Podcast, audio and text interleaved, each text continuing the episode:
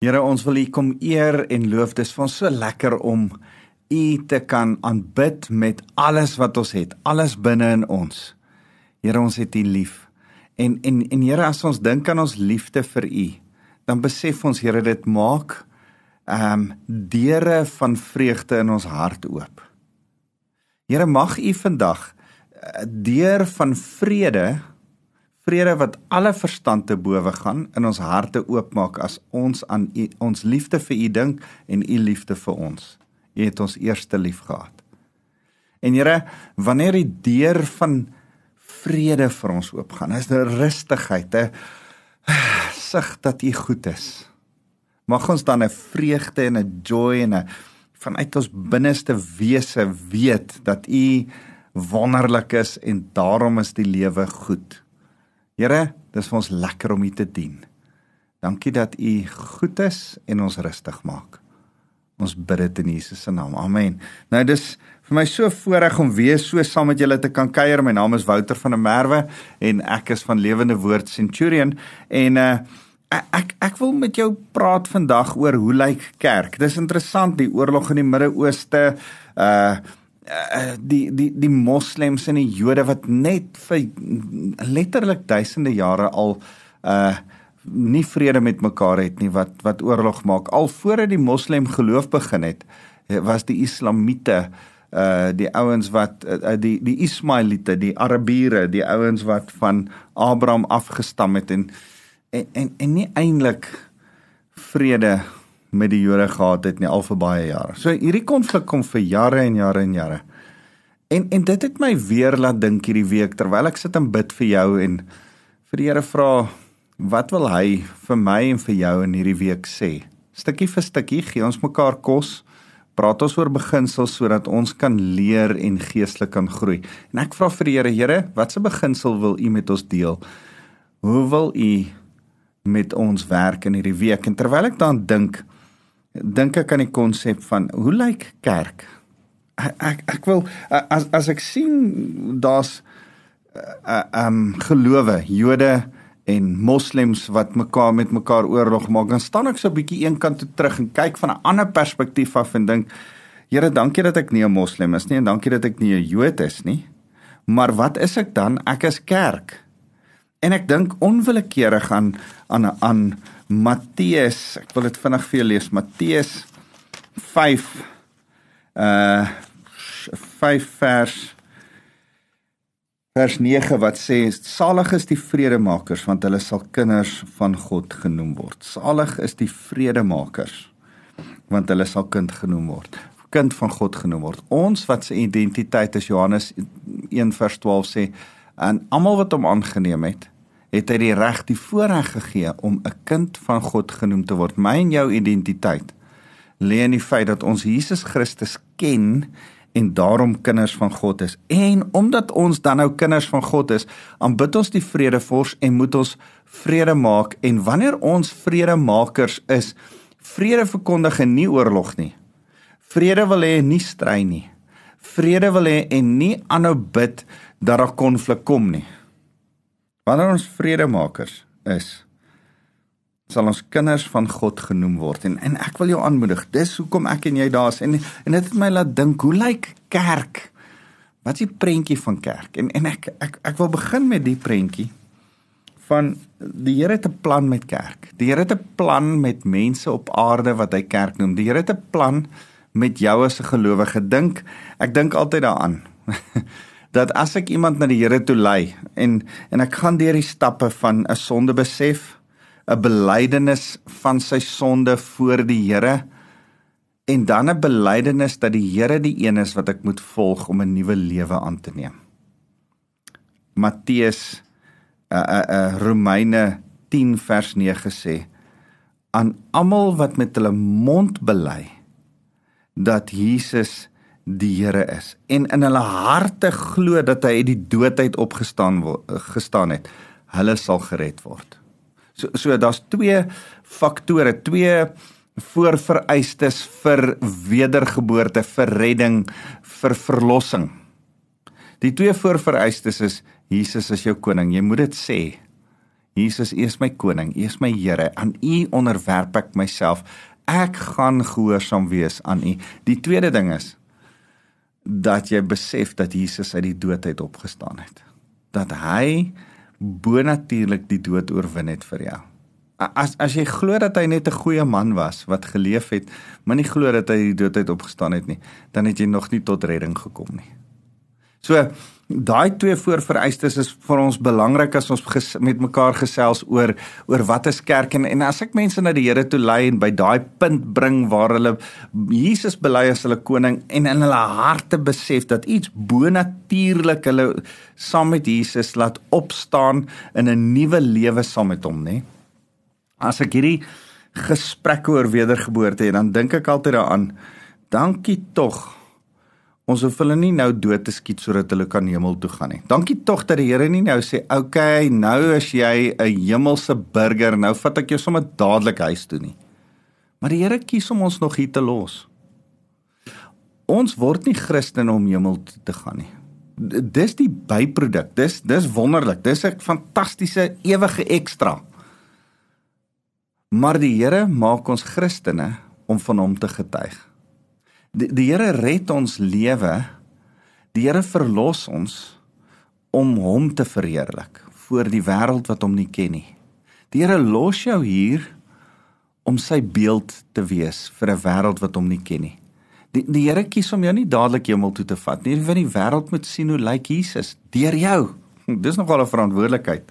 Tol order. Groot verantwoordelikheid. En en daarom is my werk dat jy wat die Here nou leer ken het, moet ek leer vir jou stap vir stap, stukkie vir stukkie, hoe lyk Jesus sodat jy soos Jesus meer kan lyk sodat die wêreld jou kan raak sien sodat hulle ook by Jesus wil uitkom en meer mense die ewige lewe kan beerf. So, hoe lyk kerk? Kerk het oorspronklik so gelyk. Ek lees vir jou Handelinge Ehm um, en en en ek ek lees vir jou 'n klein gedeeltjie van die eerste kerk. Lukas skryf aan Theophilus, 'n vriend van God. Ek dink ek en jy is ook vriende van God, so dalk het hy vir my en jou geskryf. Maar Lukas, 'n dokter, 'n Griekse ou, skryf oor hoe kerk begin het, hoe kerk oorspronklik gelyk het. En ek vat vir jou 'n stukkie vas as ek Handelinge 2 vers 36 lees. Hy sê: "Laat die hele huis van Israel dan verseker weet dat God hom hom Here en in Christus gemaak het. Hierdie Jesus wat julle gekruisig het. Toe hulle dit hoor, is hulle diep in hulle hart getref. Vir Petrus en die ander apostels en gevra en hulle vra: "Wat moet ons doen?" Petrus antwoord hulle: "Bekeer julle en laat elkeen van julle in die naam van die Here Jesus Christus tot vergifnis van julle sondes gedoop word." En julle sal die Heilige Gees as gawe ontvang. Want die belofte is bedoel vir julle en ook vir julle kinders en vir almal wat daar ver is, almal wat die Here ons God na hom toe roep. Met nog baie ander woorde het hy getuig en hulle aangespoor. Dis my werk om jou te getuig van hom en jou aan te spoor. En diegene wat sy boodskap aangeneem het, is gedoop En op daardie dag is ongeveer 3000 mense toegevoeg. Toegevoeg tot die kerk, nê? Vers 42 sê: "En hulle het by, bly volhard in die leer van die apostels." Nou dis hoe die kerk lyk. Petrus preek nou 3000 mense kom tot bekering. Die kerk in Jerusalem, die eerste kerk is 3100 3200 mense groot. Dis waarmee die die die bokamer se mense begin het. Nou is hulle iewes skielik 'n hele klomp, nê? Nee? Nou is nou is daar 3000 mense. Nou begin nou lyk die kerk so.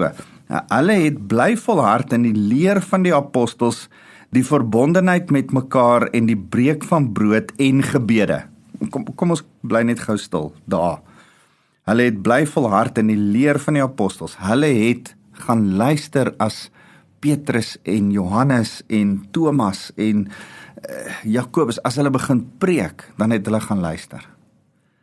Hulle het onder goeie prediking gesit. Hulle het disippels geword van die disippels van die apostels. Uh, by the way, ek sal net nou met jou 'n bietjie gesels oor dink so lank hier aan. Wat is die verskil tussen 'n apostel en 'n disipel? Lekker moeilike vraag. Ek kom nou net nou daarby. So, hulle sit nou by hierdie apostels, hulle luister, hulle begin nou hoor en en en en deel van dit is hulle breek brood saam, hulle hou nagmaal saam, hulle eet saam, hulle kuier saam, hulle braai in ons konteks. Hulle dink nie hulle het gebraai nie, maar ek en jy so braai vleis hou. 'n Lekker skaap choppie op die kolebraai. En hulle bid saam. Vers 23, 43. Almal is met ontzag vervul en baie wonders en tekens het deur die apostels plaasgevind. Toe hulle saam kuier, toe hulle saam bid, toe hulle deur die woord van die Here geïmpakteer word, toe's daar 'n vrees, 'n ontsag, 'n liefde, 'n o vir die Here. Here, U is goed, U is wonderlik. On, ons begin eers besef hoe klein is ons en hoe groot is U nie. Toe toe dit gebeur, toe hierdie elemente bymekaar is, hulle kuier saam, hulle bid saam, hulle die, die woord word vir hulle gepreek, hulle het 'n liefde en ontsag vir U. Toe begin daar wonderwerke plaasvind tussen hulle vers 44. Dis hoe die kerk gelyk het. Al die gelowiges was bymekaar en het alles gemeenskaplik besit. Luister, daar's nie meer ryk en arm nie. Hulle het hulle eiendom en besittings verkoop en aan almal uitgedeel volgens elkeen se behoefte. Hulle het eensgesind volhard om die tempelterrein daagliks te besoek en aan die huis brood te breek en hulle maaltye met uitbundige blydskap en met opregte harte te geniet hierdie ouens het gaan soek vir nog meer lering elke dag. Hulle kon nie van mekaar af wegbly nie. Hulle kon nie van die lering van die apostels af wegbly nie. En wat meer is, hulle het nie net gaan luister na goeie preke nie. Hulle het nie net 'n podcast en 'n goeie YouTube video geluister nie. Hulle het ook saam gekuier en by mekaar tyd spandeer. Hulle het 'n behoefte gehad om met mekaar tyd te spandeer. Ouens, dis hoe kerk lyk. Dis hoe kerk lyk is om by mekaar tyd te spandeer. En hulle het eens eensgesind volhard om die tempelterrein daagliks te besoek, brood te breek, maaltye met uitbundige blydskap, blydskap met opregte harte te geniet. Hulle het God bly prys en die hele volk was hulle goedgesind. Die mense wat nie Christene was nie, het hulle so gekyk en gesê: "Ja, julle is amazing. Ek wil ook so wees." En die Here het daagliks verlostes by hulle getal bygevoeg. Ja, dis wat ek en jy wil hê. Ons wil hê die kerk moet groei, maar as die kerk moet groei, dan moet daar uh iets plaasvind van blydskap van mense wat na ons kyk en sê, "Wow man, julle kuier so lekker saam. Daar's so 'n uh, opgewondenheid en 'n blydskap en 'n vriendelikheid en 'n daar's groei by julle julle bly nie soos wat julle is nie. Ek het altyd daai ding wat ek sê van die Here is lief vir ons net soos wat ons is, maar hy's lief genoeg vir ons om ons nie te los soos wat ons is nie. En en en dankie tog vir dit want verandering moet konstant deel wees van ons lewe. Die enigste ding wat dieselfde bly is dat daar verandering is. En en en ek wil vir jou sê, dis wat die eerste kerk geklik het. Ons moet verander. En en Hulle het begin sê, hoorie, ons moet verander. En as ons na hierdie kerk kyk, dan dan wil ek vandag vir jou sê, hey, kerk van Suid-Afrika. Ons moet ook verander. Kan ek vir jou sê, kerk lyk nie soos alleen wees nie. Kerk lyk nie soos ernstig en hartseer wees nie. Kerk lyk nie soos alleen Kentucky eet nie. Kerk lyk so saam braai saam kuier, ander mense geniet, bymekaar leer, vrolik wees, ehm um, gereeld bymekaar kom, ander mense nooi na jou huis toe. Kerk lyk soos groei uit jou comfort zone uit klim. Bietjie anders te begin leef as waarna jy gewoond was. Kerk lyk soos aantreklik wees. Mense wat van die buite af kyk en sê, eh, "Onthou julle daai advertensie? Kan nie onthou wat se advertensie was nie. Ek dink dit was nog 'n KFC advertensie waar die mense so kyk en sê, "Wow, ek wens ek was by daai partytjie." Kyk hulle so oor deur die venster na die ander mense toe. Sjoe, kyk hoe happy is daai mense. Ek wens ek was by daai party. Dis kerk. Kerk is daai party.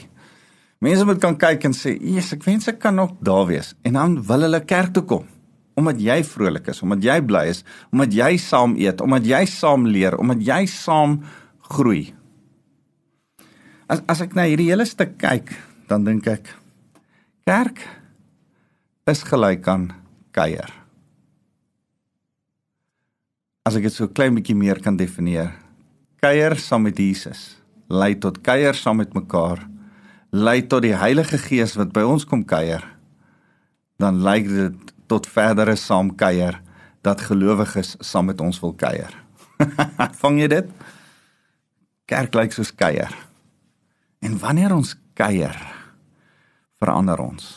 Rig ons op, het ons inspraak in mekaar se lewe en en en, en dis waaroor ek met jou van, vandag wil praat is dat Jesus hierdie in gedagte gehad het en toe hy op die ou ende sy disippels oprig en met hulle gesels toe het hy juis hierdie in gedagte gehad groei kerk verandering kerk moet so lyk ek ek het altyd hierdie ding van kan ons asseblief kerk hou met die chaos van 'n kraamsaal, nie met die orde van 'n begrafplaas nie. Party kerke en ek wil nie op tone trap nie. Ek was al in kerke waar daar letterlik grafte in die kerk was, St Petersburg kat, Kathedraal, St Peters Kathedraal in Londen.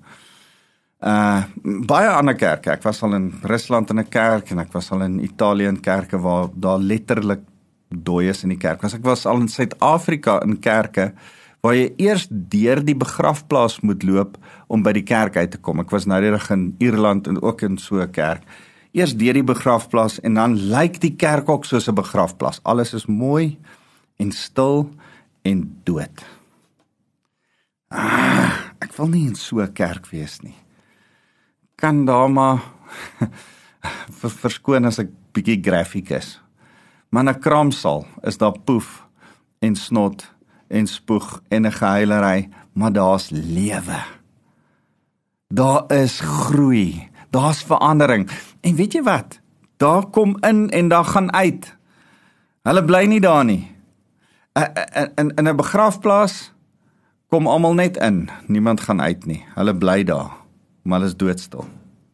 Ek wil nie 'n kerk hê soos 'n begrafplaas nie. Ek wil 'n kerk hê soos 'n kraamsaal. Dit moet maar 'n bietjie rof gaan. Dit moet maar besig lyk. Dit moet maar wees lewe. En dis wat Jesus in gedagte gehad het. En en en nou kom staan hy na sy opstanding by die disippels en en en ek lees vir julle Matteus 28 vers 16. Die 11 disippels het na Galilea gegaan na die berg waarin Jesus hulle ontbied het. Nie Jerusalem nie, nie Olyfberg nie, ergens in die middel van sy disip van sy uh, uh opstandingstyd, sy 40 dae op aarde wat hy na sy opstanding voordat hy uh hemelvaart hemel toe gegaan het, gebeur hierdie. Vers 17: Toe hulle hom sien, het hulle hom aanbid. Aanbid. Hy was God. Jy aanbid nie iets wat nie God is nie. Hulle het hom aanbid. Hulle het besef hy's God. Hulle aanbid hom nou. Hulle het nou eintlik tot bekering gekom. Onthou Romeine 10 vers 9. As jy met jou hart met jou mond bely dat hy Jesus eh, dat hy Here is en met jou hart glo dat hy uit die dood het opgestaan het, besef jy al het hulle hom gevolg. Toe hy sê volg my dan maak ek julle vissers van mense. Al het hulle hom as die Messias erken, toe. Hy sê wie sê die mense is ek?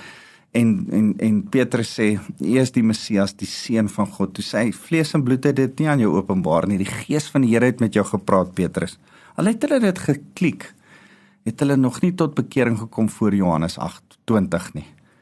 Eers in Johannes 20 dan verskyn hy aan hulle met sy opgestane liggaam bonatuurlik in die bokkamer en hulle sê my Here en my God Johannes 20 vers 28 sê Thomas my Here en my God toe hy die opgestane liggaam van Jesus sien. En volgens Romeine 10 vers 9 wat Paulus verduidelik kom hulle eintlik daar tot bekering. Hulle was volgelinge van Christus maar daar word hulle Nuwe Testamenties gered. Nou gelukkig weet ons daar's Ou Testamentiese volgelinge Dawid Abraham Isak. Hierdie is ons Ou Testamentiese volgelinge, maar maar Nuwe Testamentiese redding lyk anderste. Hier word hulle gered. En Jesus sê hy vat hulle aanbidding. Sommige het getwyfel, vers 18 sê Jesus het nader gekom en vir hulle gesê: "Aan my is gegee alle mag in die hemel en op aarde. Aan my is weer die autoriteit teruggegee en wat hy per implikasie sê en op ander plekke dan sê dit en ek gee dit nou weer vir julle terug. Eh, eh, Kom ek gaan gou saam met jou 'n stukkie teologie deur. Jesus het die mens geskape met goddelike autoriteit op aarde om te heers. Die Here het gesê gaan heers voor die sondeval het hy gesê gaan heers oor die skepping, so asof ek sou heers oor die skepping. Goddelike autoriteit. En toe gebeur die sondeval. Nou as jy abdikeer, as 'n koning abdikeer in die ek dink in die 40 jare het die 1940 sê die Engelse koning geabdikeer want hy wou met 'n ander vrou hê. En en toe hy abdikeer, toe vat hy sy koningskap en lê sy koningskap neer en sy broer het koning geword. Adam het geabdikeer. Die autoriteit wat hy het, die koningskap, die regeringskap wat hy gehad het op aarde, het hy geabdikeer. Het hy gegee vir Satan en Satan het die heerser van hierdie wêreld geword. Satan het mag oor lewe en dood gehad. Satan het hierdie wêreld oorheers. En dit het Jesus gekos om uit die doodheid op te staan en doderyk toe te gaan en die sleutels van die doderyk te gaan oorwin en die mag van Satan te bind en te gaan vat die autoriteit terug van Satan af en gesê dis dit behoort nie aan jou nie dit dit behoort aan mense. Daarom het ek 'n mens geword om dit te kom terugneem en weer vir mense in hulle hande te gee. En ek en jy staan vandag met die autoriteit van Jesus hoe hy Adam oorspronklik gemaak het as jy 'n Christen is. Wanneer jy in Jesus glo, dan staan jy met hierdie autoriteit. Met hierdie autoriteit sê hy in vers 9 19 gaan gaan dan en maak disippels van al die nasies deur hulle te doop in die naam van die Vader en van die Seun en van die Heilige Gees en hulle te leer om alles te onderhou wat ek hulle beveel het en kyk ek is met julle al die dae tot aan die volëinding van die tyd nou as die Here vir jou autoriteit gee en sê gaan dan staan ek vandag voor jou en en en ek wil vir jou sê ek ek wil hê jy moet hierdie sirkel sien. In die eerste plek sê hy vir jou gaan. Dis stap nommer 1. Jare terug het het ou oom ehm um, uh, uh, ag die oomie wat met ons oor selgroepe kom praat het. Ehm um, vir ons geleer uit Singapore uit. Uh hy hy het vir ons geleer oor 'n 'n diamant, 'n baseball diamant, tipies Amerikaners. En en dit het altyd by my vasgebly. Nommer 1 hardloop jy na nommer 2 toe, nommer 2 gaan jy na nommer 3 toe, 3 van 3 af gaan jy na nommer 4 toe, van 4 af gaan jy ter weer terug na nommer 1 toe. Ek wil hê jy moet daai prentjie in jou kop sien. En sê nommer 1 is gaan.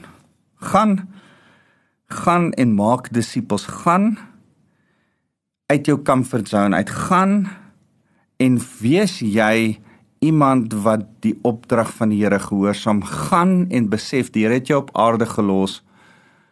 Die Here het jou nog nie hemel toe gevat nie. Die Here maak jou getuienis vir ander mense. Jy moet getuig van hom. Jy moet gaan. En ek wil vandag vir jou sê, hierdie opdrag is vir jou net soos wat dit vir my is. Jy moet gaan.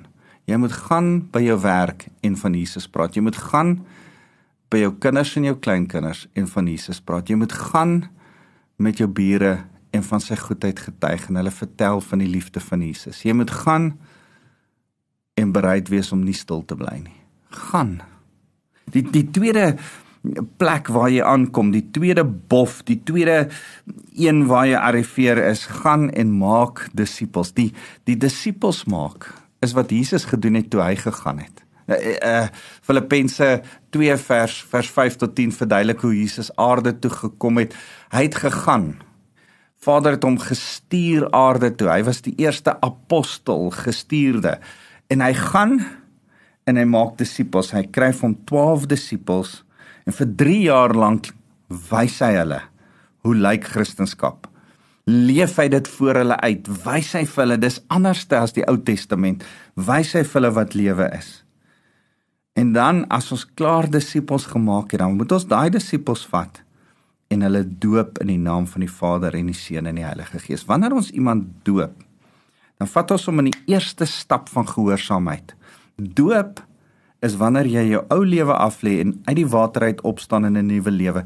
Doop is die eerste doen van Christendom wat jy doen. Doop is eintlik jou geloofsbelijdenis. Dit wat ek en jy gedoen het, ek het in 'n in 'n kerk eendag belydenis van geloof afgelê. staan nêrens in die skrif dat jy moet belydenis van geloof aflê nie. Jou belydenis van jou geloof is wanneer jy deur die doopwater gaan gedoop word. Dis die, die derde ding. Dis die derde ding waar ek en jy ons gehoorsaamheid wys en sê ons dien die Here. En dan die vierde ding, gaan en leer hulle om alles te onderhou. Leer hulle. Dis die vierde ding. Nou moet ons mense gaan mentor en leer en bring bring by 'n plek waar hulle een of ander tyd besef. O, okay, ek het nou genoeg geleer, nou moet ek weer gaan. Kan jy sien dis so 'n sirkel? Dis 'n aanhoudende sirkel wat voortrol soos 'n sneeubal. Dit noem ons die kerk van die Here deur die eeue heen. Gaan maak disippels doop hulle laat hulle begin doen leer hulle mentor hulle maak die woord vas in hulle dat hulle weer gaan. Laat dat hulle weer disippels maak laat hulle weer mense doop laat hulle weer mense leer sodat daai mense weer kan gaan. En so gaan die kerk aan en aan en aan en aan. Man ek is so opgewonde. Dis hoe kerk lyk. En dit moet ek en jy weer vir mekaar sê. Dis hoekom jy nog nie hemel toe is nie. Want jy moet 'n gaanende word. Miskien is jy nog net 'n disipel. Gemaak disipels. Miskien sit jy in 'n kerk en en kyk nog net hoe doen ander dit. Wel dis tyd om te begin doen. Gedoop te word, begin aksie oorgaan, te begin sê ek gaan nie gehoorsaam, ek gaan ek gaan doen wat hy sê. En dan moet jy nou dat jy begin doen, nou moet jy begin leer hoe werk alles? Waar pas alles in? Hoe pas ek die beginsels in my lewe toe? Want een of ander tyd moet ek gaan om nog mense te gaan disipel. So so die gaan ek ek ek, ek dink daar's vier fases van leer en ek wil vinnig deur hulle gaan. Gaan sê die eerste fase is jy doen ehm um, ek staan voor jou en ek doen en jy sê o, okay. So eerste fase is as gaan en dis doen. Tweede fase maak disippels. Ek doen, jy kyk. Jy gaan leef voor iemand en terwyl jy doen, kyk hulle na jou lewe en dan sê, "O, dis hoe dit werk." Dis wat Jesus kom doen het vir 3 jaar met sy disippels. Dis wat 'n disipel is. Hy's 'n kykende een wat sien hoe iemand doen. Ek doen, jy kyk. Nommer 1, ek doen. Nommer 2, disipel. Ek doen, jy kyk. Nommer 3, ek en jy doen nou saam. Dis wat doop doopelinge doen, doenende mense doen. Mense wat begin om die evangelie te doen. Hulle doen saam. Hulle hulle hulle werk saam. Hulle werk dit saam uit. Dis wat ons net nou in in Handelinge gelees het. Dis hy kuier saam, saam wees in mekaar se lewe, in mekaar partykeer in mekaar se hare. So, okay, kom ons struggle hierdie Christen lewe saam uit. En dan 4, dan leer ons, dan mentor ons. Nou gee jy vir iemand anders om te doen en jy kyk. Ek kyk, jy doen terwyl jy doen, kyk ek en ek fine tune 'n bietjie. En sê nee nee nee, jy maak fout daar. Kom ons maak dit reg nou. Want ek wil hê jy moet een of ander tyd gaan, 'n gaanende word, 'n apostel word. Die woord apostel in Grieks beteken letterlik een wat gaan. Dis 'n posman, iemand wat 'n boodskap bring.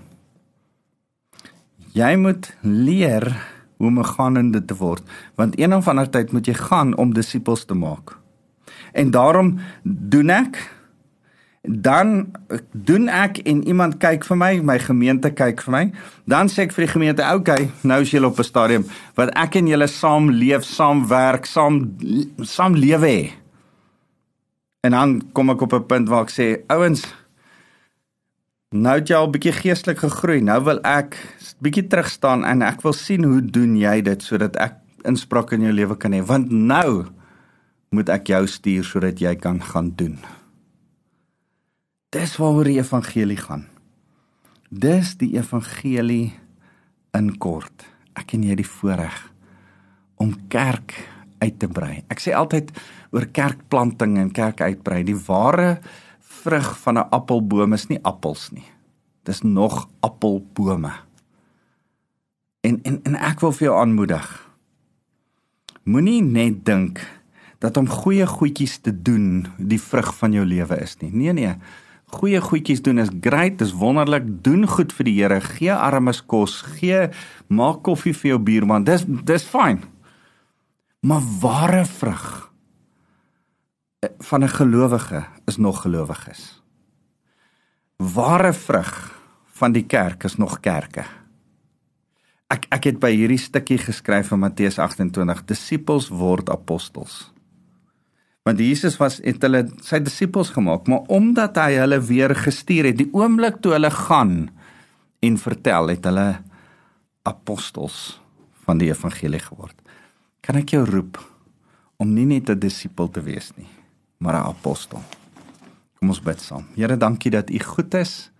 Here, dankie dat ons die evangelie verstaan en verstaan dat oor eeue heen daar gaanendes was wat disippels opgerig het, wat hulle geleer doen het deur hulle te doop en wat hulle geleer het, stelselmatig geleer het al die waarhede van die woord, beginsels, sodat as hulle dit toepas, hulle kon besef een of ander tyd hulle moet gaan. Here, wat 'n voorreg. Dankie dat ons nie net by disippelskap kan bly nie, maar apostels kan word. Ons eer U Here Jesus. Daarom seën ek die elkeen wat na my luister met met die vrede van Christus, die vredevors wat alle verstand te bowe gaan, sodat die liefde van die Here in hulle harte bly brand vir die mense. Vader se liefde vir ons in ons harte kan wees want hy het Christus gestuur vir ons, mag ons ook dan gestuurdes van hom wees. En Here mag ek kom bid dat die Heilige Gees ons sal toerus, disippels sal maak, sal leer, sal help doen sodat ons sal gaan in 'n wêreld in wat honger en dors na die lig van Jesus. Ons eer U Here. Amen.